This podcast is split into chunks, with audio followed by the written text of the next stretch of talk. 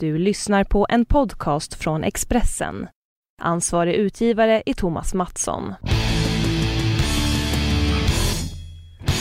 Hej och välkomna till Allt om bilars podcast. Jag heter Jan-Erik Berggren och eh, som ni vet vid det här laget så gör jag så i podden att jag ringer och intervjuar intressanta personer eh, om bilar och om bilbranschen.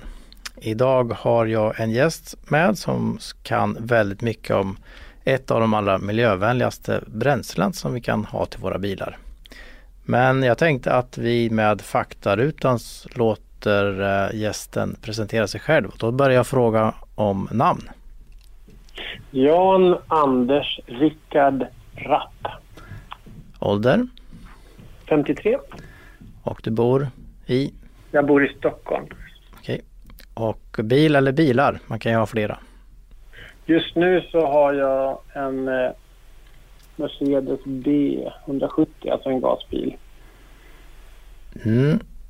Och uh, så brukar jag ställa några frågor där man kan välja lite grann. Självkörande eller taxi? Taxi. Det är kul att det är någon mer bil att prata med. Ja. Du tillhör de som vill prata när du kör taxi, eller åker taxi också? Ja. Absolut. Inte alla gånger, men eh, ja, ganska ofta. Absolut. Jag tycker det, blir ofta ganska givande samtal. Ja.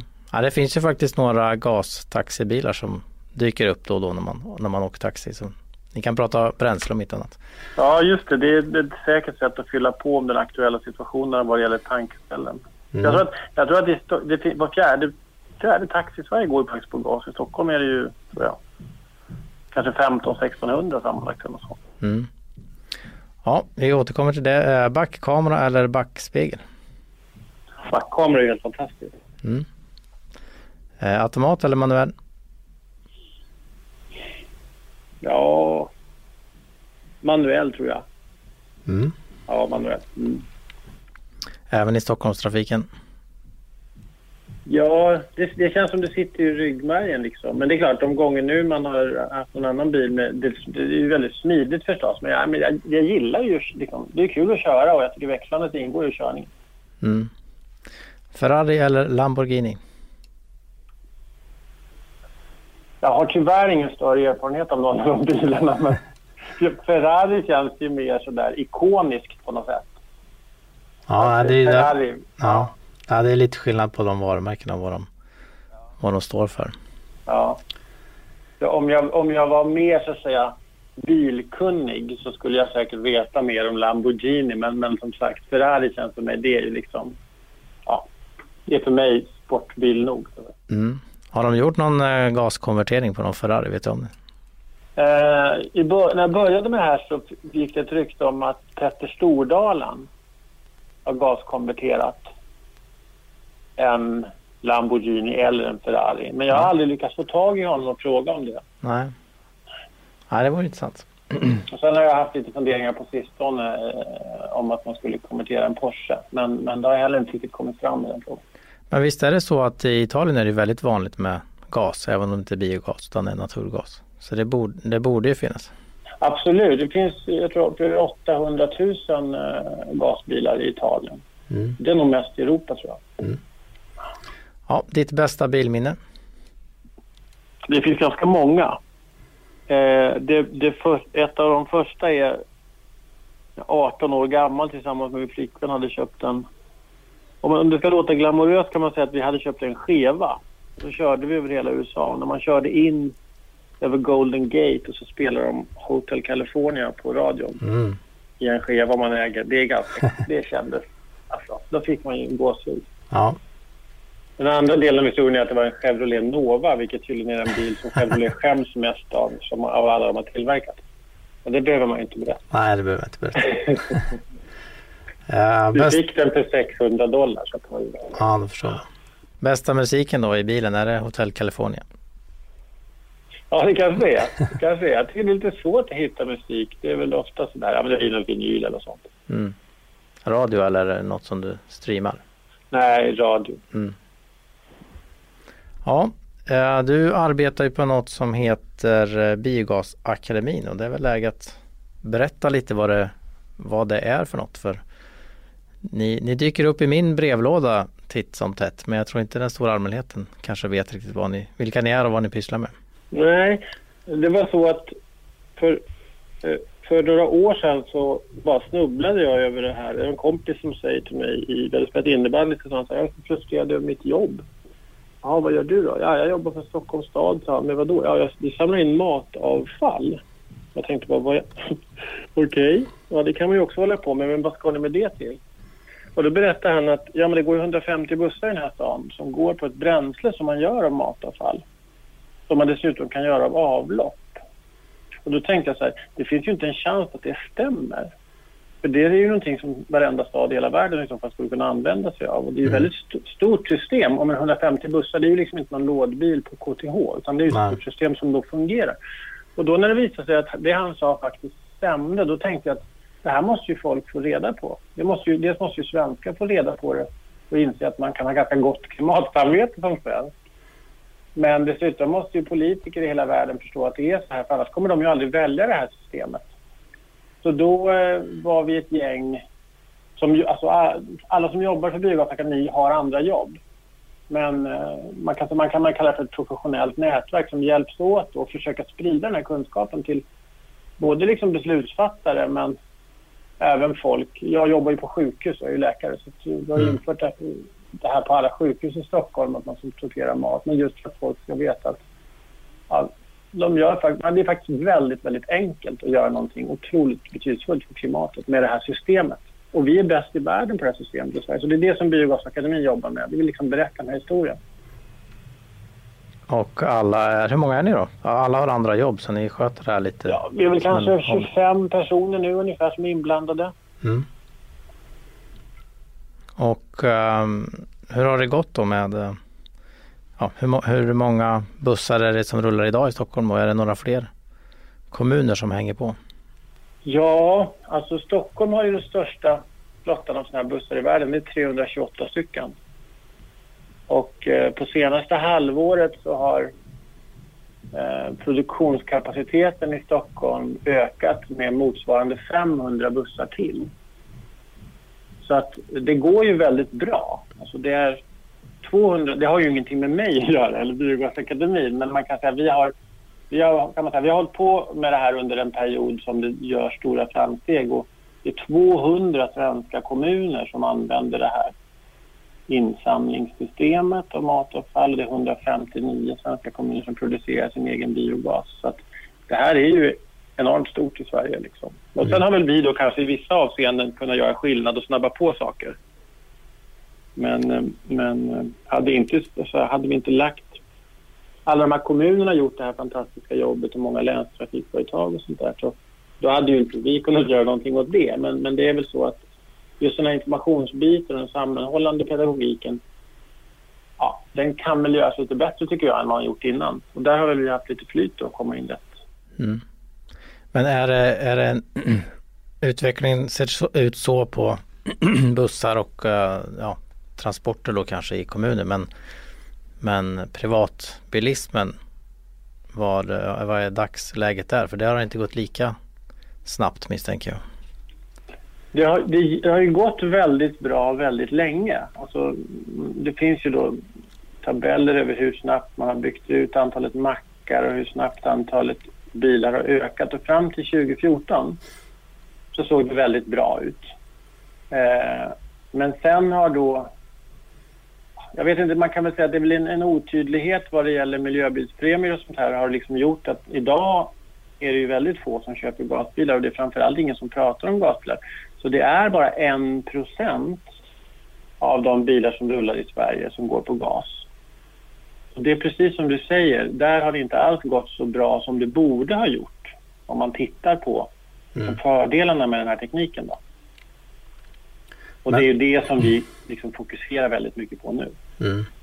Men i det här nya bonus malus förslaget som ligger så finns det en viss uh, hjälp till gasbilarna även om det kanske inte är så mycket som man hade hoppats på.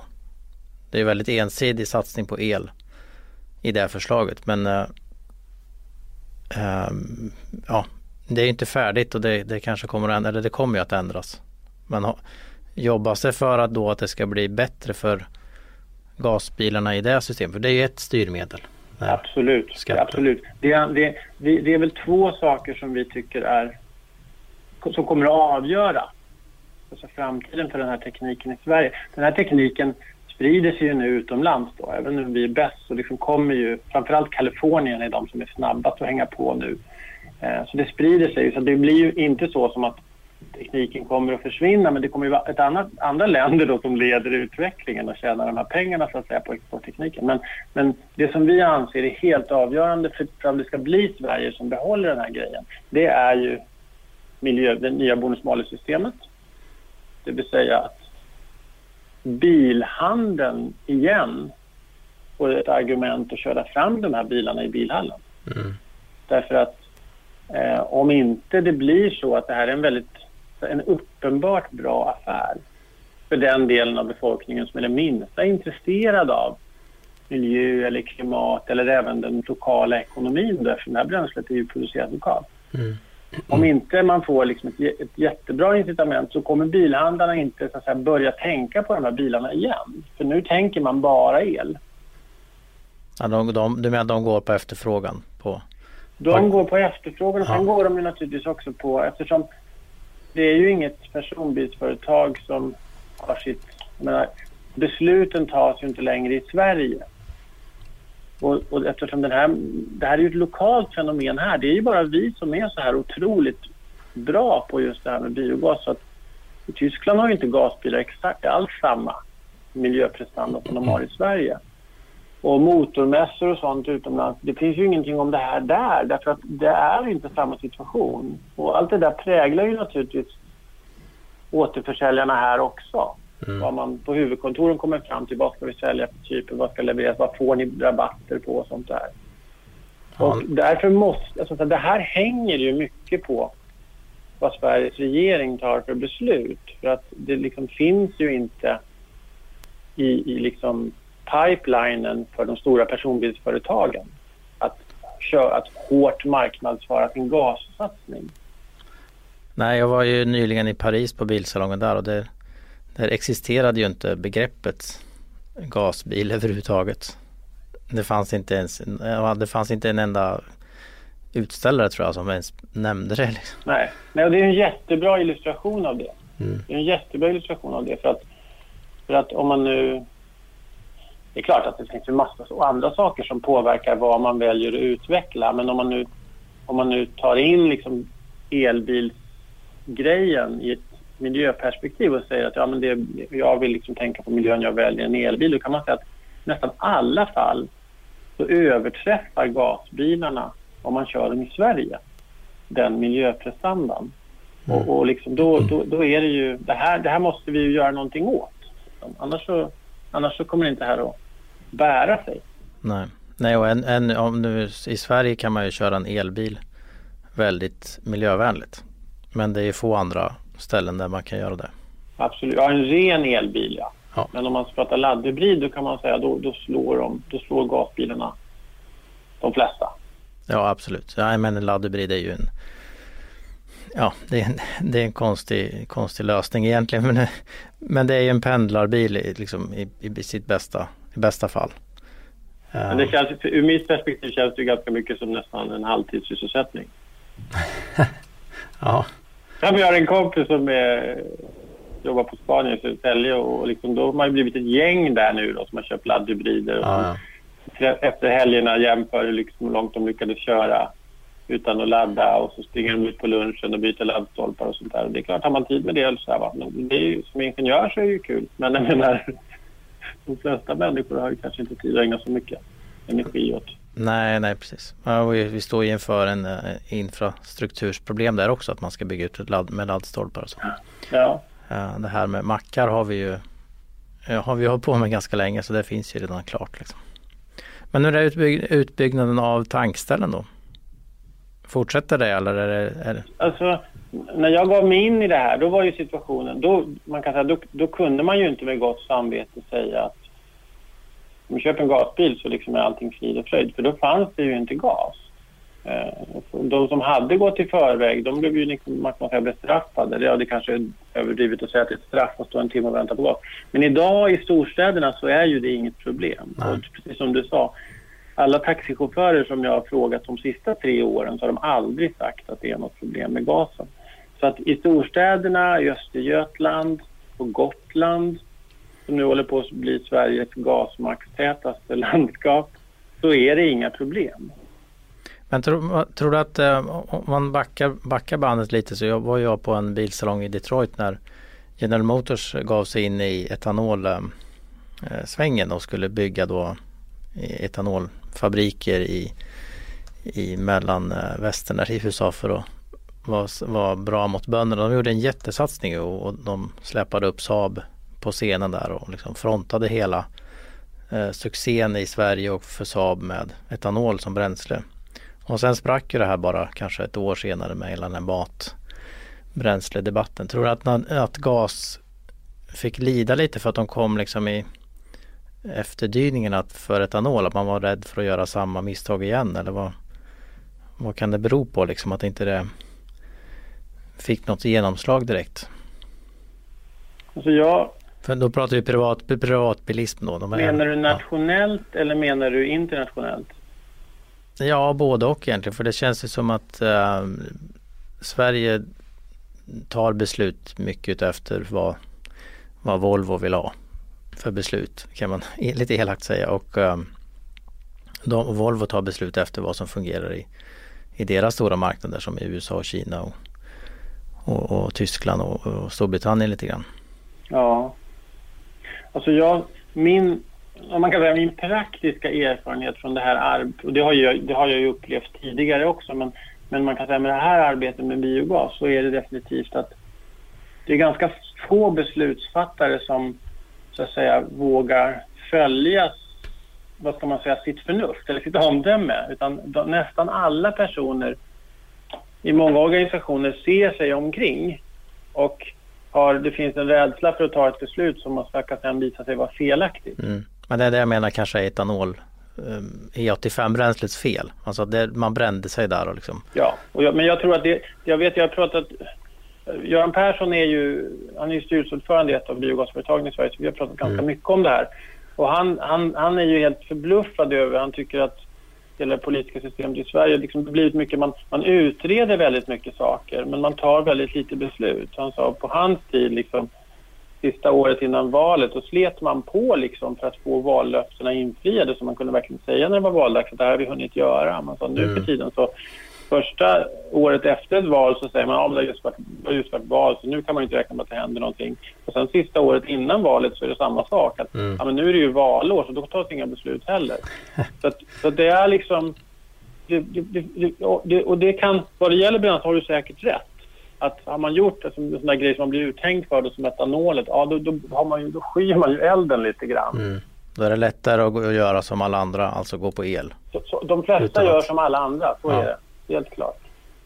Och, uh, ja, och alla pratar el och då är det riskfritt. Liksom. Då, kan man, då kan man inte göra fel. Och det, precis, och det kan man väl se väldigt tydligt på det här med hur till exempel Volvo då har yttrat sig om de här teknikerna. Sen går det några år och sen så ändrar man ju helt och hållet mm. då, när man inte så att säga, när man släpper sargen och tänker att nu går ju alla åt el och då går vi också. Och då uttalar mm. man sig som att och alla bilföretag och alla politiker också vill ju gärna uttala sig som att de vet vad som är rätt. Mm. Toyota säger, man pratar naturligtvis inte någonting om gas för de har ju inte valt att satsa pengar på det. Och alla vill ju liksom vara någon slags, stå för någon slags filosofi att vi är ett seriöst framtidsföretag. Mm. Och då säger man så här kommer framtiden att se ut. Men det visar sig hela tiden att man har fel.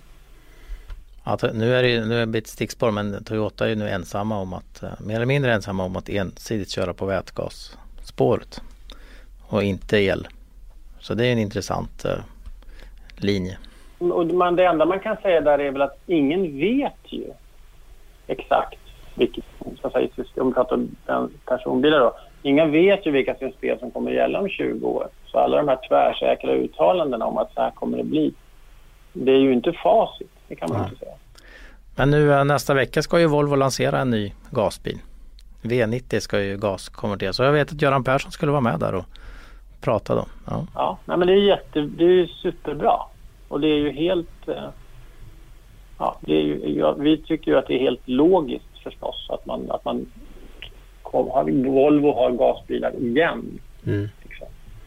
Och om vi ska prata bara rent tekniskt så är det ju som du, du har påpekat flera gånger, det är väldigt enkelt att göra om bilen eller konvertera den så att den går på gas och bensin.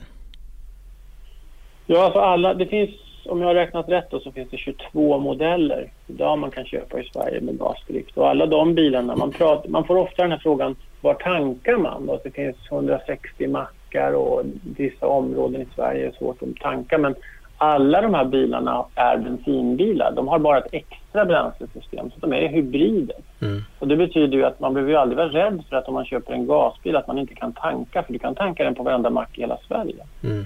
Och då är det tydligt, vilket jag också har fått lära mig under den här resan, att det här innebär också en möjlighet att bygga om. Så att när man nu pratar bonus malus och hur vi ska ställa om svenska bränsleflottan, eller bil, personbilsflottan, så då är det också så att man för 30 000 kronor kan få installerat ett sånt här gastanksystem i sin bensinbil på två dagar. Mm. Och då plötsligt har man en miljöbil med jättelåga utsläpp. Mm. De som vet mer om teknik säger att det här är ganska enkelt. Eh, det kan jag inte kommentera men, men... Man ska bara ha lite plats för den här tanken då, gastanken. Liksom.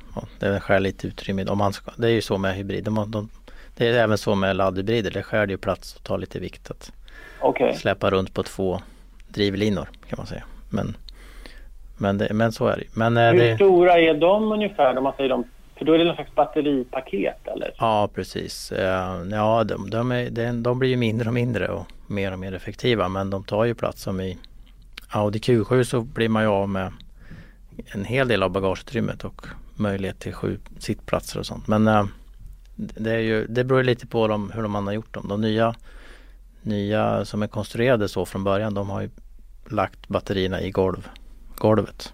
Ja, eller i, i mitten som i Volvos fall. Så då tar de inte så mycket plats från, från kupén där vi, där vi vill ha personer eller saker och sånt. Nej. Men eh, gasbilarna har ju då i, i år stött på ett annat problem. Det var ju Folkvagns bekymmer med tankarna som rostade, var det så? Och um, är det här, eh, det är förstås inte bra för Folkvagn men är det, eller det är inte bra för tekniken eller gasbilarna heller. Att det, att det kommer sådana här barnsjukdomar får vi ändå kalla det.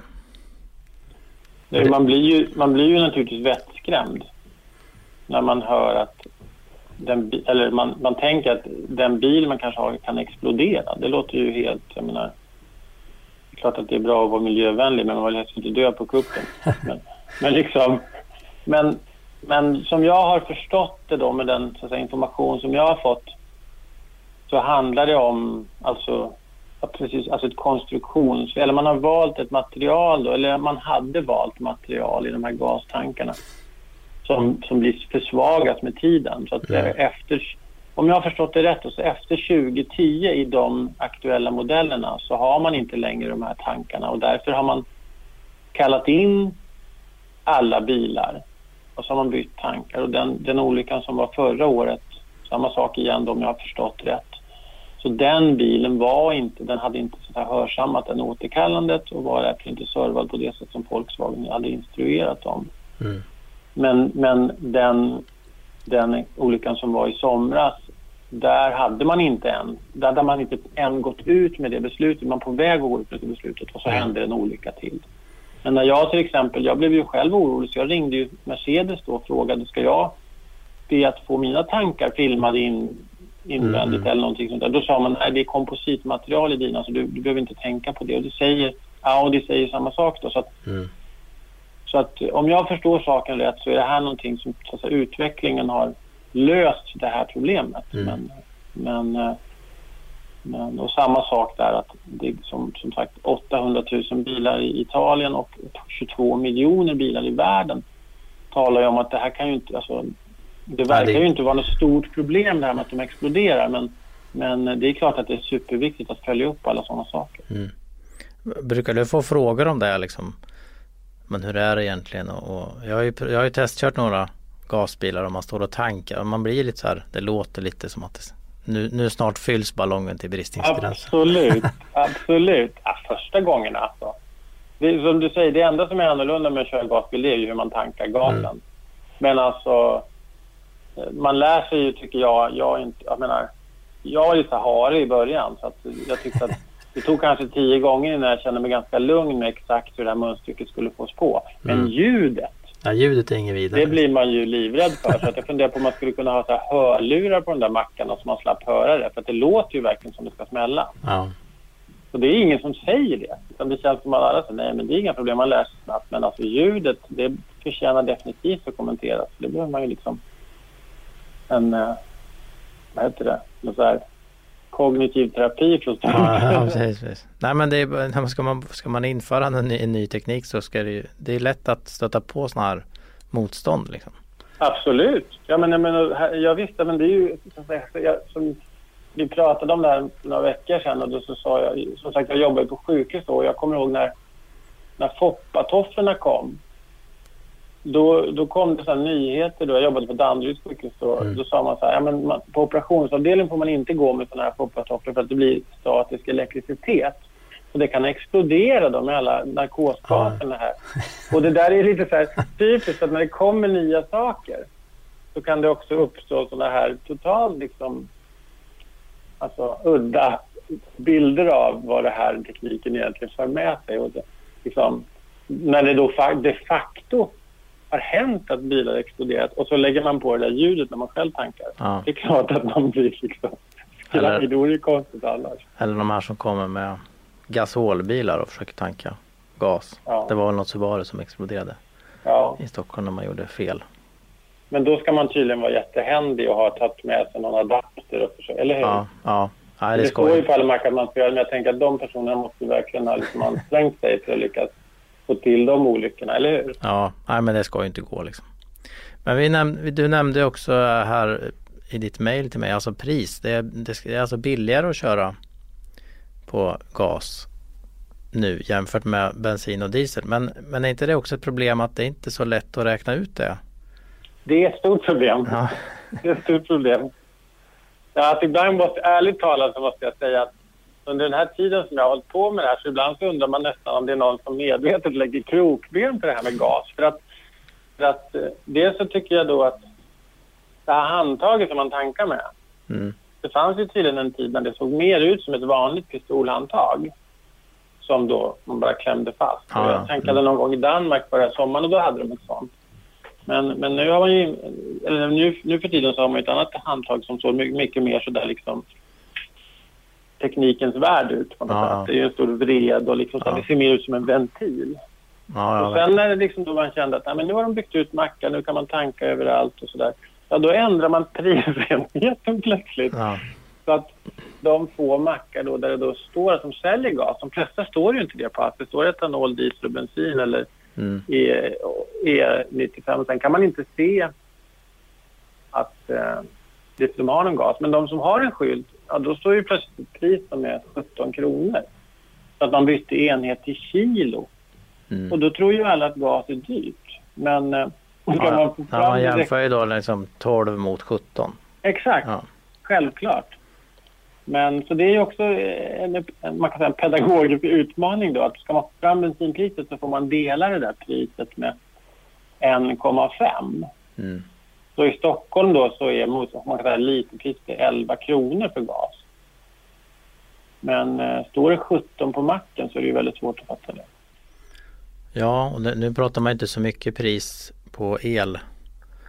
Eller man pratar nästan inte alls pris på el och ladda, ladda el liksom. Men, men det är väl för att det är, tror alla att det är jättebilligt. Jag vet inte vad de, vad de tar nu per kilowattimme när man, när man köper det så att säga på stan. Jag vet ju vad man betalar hemma men men um, det är väl något att sträva efter att det blir samma prisbild. Alltså man jämför samma sak. Ja, absolut. Absolut. Det finns ju... Jag lyssnade på det här programmet du gjorde med Mattias Goldman och det är mm. väldigt intressant det här med den här diskussionen om att man ska kunna se var bränslet kommer ifrån. Mm. Och, och, och, och, det här är ju, tycker jag, det här är ju en del av samma sak. Att, så prismässigt, ursprungsmässigt och så att man verkligen kan... Precis som i alla andra sammanhang när man köper någonting. Man kan se innehållsdeklarationen och man kan se ett, ett, ett korrekt jämförpris. Ja, det är väl, ett det är väl kilopris. Ja. Ja. Ja. Men det måste ju vara bra för gas om de har ursprungsmärkningen. Att då ser man att det, att det liksom kommer från Stockholm eller det kommer från matavfall. Ja, det, kom, det är ju det som är så man kan säga på, om man pratar Sverige eller pratar som svensk eftersom det här produceras ju i den egna kommunen. Mm. Att jag menar att, att halva Sveriges eller alla som kör på diesel eller den, eller de man kan säga då, som Volkswagen säger 94 procent av alla bilar som rullar i Sverige går på bensin eller diesel.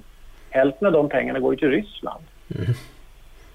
Eh, om man då, som jag, vi har varit på Gotland en del nu, för där har de en otroligt fin satsning. Och jag menar att det inte är självklart att man precis som att man vill kunna köra ner till sin liksom, lokala växthuset och köpa ekologiskt odlade tomater från någon som man vet vem det är. Mm. Uh, istället för att skicka pengarna till någon diktatur. Det är ju samma sak med det här. Biogas ger ju oss en möjlighet då att stödja den kommunala ekonomin. Och dessutom vet vi att det här är inte miljöskadligt eller klimatskadligt. Nej, och det, och det kommer inte från mat som, som har odlats utan det är liksom avfallet. Det, det är inte den etanoldebatten alls. Liksom. Nej, och liksom, mer elegant kan det ju liksom inte bli menar jag. Och det känns ju som att om det var tydligare för folk i allmänhet så skulle det ju vara... Så skulle man ju tro att väldigt många fler valde det här alternativet. Mm.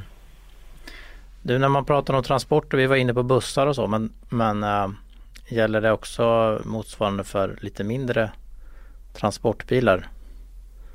Och eh, liksom att, att de kör runt i, i, i städer på gas då istället för, för bensin eller diesel? För man känslan lite av att, att, det, att det, det kommer krav från, från städerna snart att man får inte köra in med vilka bilar som helst. I Paris pratar man mycket om att förbjuda diesel och, och eh, det kommer ju så småningom även till mindre städer som Stockholm, Göteborg, Malmö och så.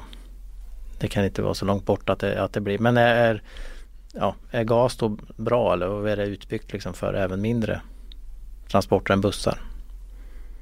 Ja, eh, kort svar ja. Det, finns, det, är väl fram, det är väl framförallt två tror jag, tillverkare som, som har eh, mycket, alltså som har lätta lastbilar och sen är det då eh, just italienska har ju så att säga, hela skalan. Mm. Så det finns ju, det finns ju flera transportföretag eh, här i Stockholm som har satsat hårt på det här. Eh, de, de flesta som jag känner till av dem, de tankar ju på vad som kallas för publika mackar där vi andra tackar, tankar mm, och alla mm. taxibilar tankar. Men det finns ju ett företag som har byggt sin egen mack till och med. Mm. Uh, så att bilarna finns absolut och, och gasen finns också. Mm. Ja, för om man ska lyssna på bilföretag också lite hur de tänker längre fram så är det ju att de vill stå för hela transportlösningen och, och de förstår ju också att det, det är snart slut med stora lastbilar in i städerna och ja, det kommer att vara mer ordnat så att säga transporterna in i städerna. Ja. Och då, då är det väl el, många tänker ju på el då förstås och ja. induktiv laddning som man tror kommer eller?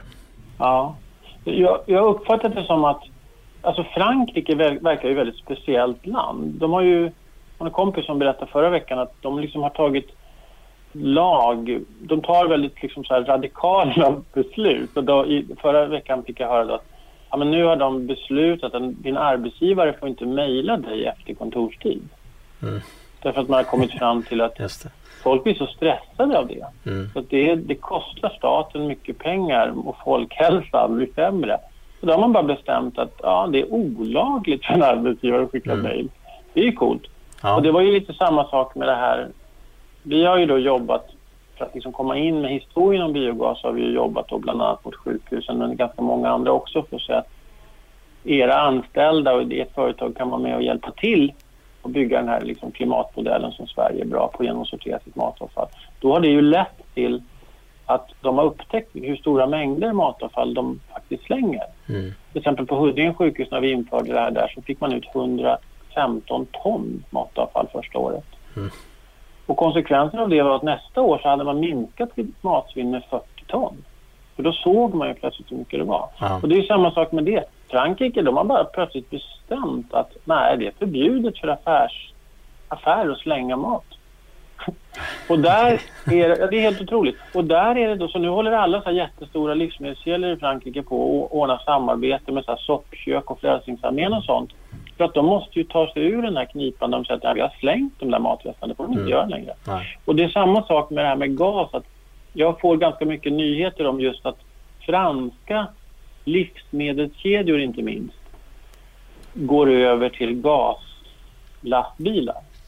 Så de beställer då från Iveco, ja nu har de beställt 60 sådana och nu har de beställt 40 sådana som då är gasdrivna. Så att Mm. jag tror att i Frankrike så är en ganska stor del av den där trenden det, och det är ju samma på bussidan. Det är väl liksom antingen el eller gas. Det är de två stora trenderna tror jag Mm, internationellt. Så att jag tror att eh, Italien har, hör jag inte så mycket men Frankrike absolut. Att de ser gas som en del av den här, så säga, urbana transportlösningen. Mm. Men Italien är det fortfarande mycket naturgas. Ja, ja det, och det är det ju Frankrike också men, men det är ju de, det företag i Sverige då som har hela västkusten, 40, 40 biogasmackar på västkusten som heter Fordonsgas. De ägs ju numera av ett franskt företag. Mm. Och det, det är ju naturligt för att, vis för att de, nu fransmännen vill lära sig det här för det är ju Mm. det som är målet, att de ska styra över eh, naturgassystemen eh, på mackarna där till biogas i. Mm. Ja, har de redan byggt upp mackarna så är det enkelt. Ja visst. Ja, visst. enkelt liksom. Ja. Det kanske blir så att det blir ICA och Coop och de här som driver på utvecklingen mot att eh, producera ännu mer biogas. Ja, det är, alltså det är, jag menar, när de tar beslut, då händer det ju saker. Mm. Så det känns ju otroligt viktigt att, få med dem i de här strategierna. Ja, nej, det är en annan spännande utveckling av, av ny, de är nya bränslen, att det blir nya aktörer och det, det är mycket de som sitter på relationen med, med kunden som, som kan dra nytta av den. Ja, Som det här i fallet ICA då, eller Coop eller alltså de kan ju både samla in och producera och köra runt och leverera. ja. Ja, spännande. Ehm, då har vi fått lära oss en hel del om det här helt perfekta bränslet som det verkar. Då. Ja, Och, det är eh, faktiskt... Det, det, jag har hållit på med det här nu då i nio år och det, ja, man väntar ju lite grann på den här, när man ska upptäcka någonting som visar att det här kan inte stämma. Så här Nej, bra kan det ju inte det är för vara. bra för oss, Fortfarande är det faktiskt... Ja, det här verkar faktiskt... Ja, men det här är osannolikt smart alltså. Mm. Ja, tyvärr kan jag inte vara med när Volvo visar upp sin V90. Då är jag i Danmark och kör eh, tester av nya bilar med årets biljuryn. Och jag tror inte vi har en enda gasbil där. Om inte då Volvo släpper dit en V90 för de ska V90 är med som bil men jag tror inte de tar dit gasvarianten. Vi har faktiskt en vätgas, äh, två vätgasbilar. En från Toyota och en från Honda. Ja. Vi får se nästa år då. Ja precis. Nej men det, det är ju det är som sagt, de har ju oftast varianter. Ja, Ja bra, tack för pratstunden. och tack själv. Ja, så hörs vi igen. Jätteroligt. Ja, ha det så Mm. bra. Ja, hej då. Hej. Ja, det var ju spännande att få höra väldigt mycket om eh, biogas. Ett litet bortglömt bränsle som det var mer, snack om för några år sedan. Och då handlade det mycket om att bilarna var bra, bilarna fanns men det fanns ingenstans att tanka. Nu verkar ju det vara helt löst och eh, som vi hörde så är det här ett, eh, ett väldigt bra bränsle av många olika anledningar. Eh, det är bara vi kan lösa det här med pris, prisbilden och ljudet när man tankar.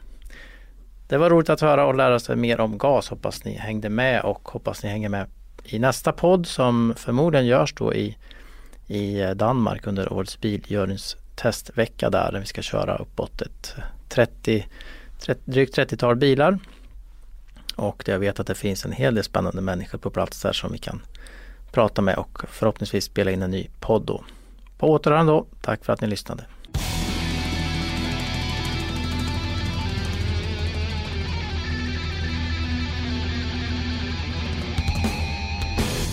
Du har lyssnat på en podcast från Expressen. Ansvarig utgivare är Thomas Mattsson. Ett poddtips från Podplay. I fallen jag aldrig glömmer djupdyker Hasse Aro i arbetet bakom några av Sveriges mest uppseendeväckande brottsutredningar. Går vi in med hemlig telefonavlyssning och, och då upplever vi att vi får en total förändring av hans beteende. Vad är det som händer nu? Vem är det som läcker? Och så säger han att jag är kriminell, jag har varit kriminell i hela mitt liv men att mörda ett barn, där går min gräns. Nya säsongen av Fallen jag aldrig glömmer på Podplay.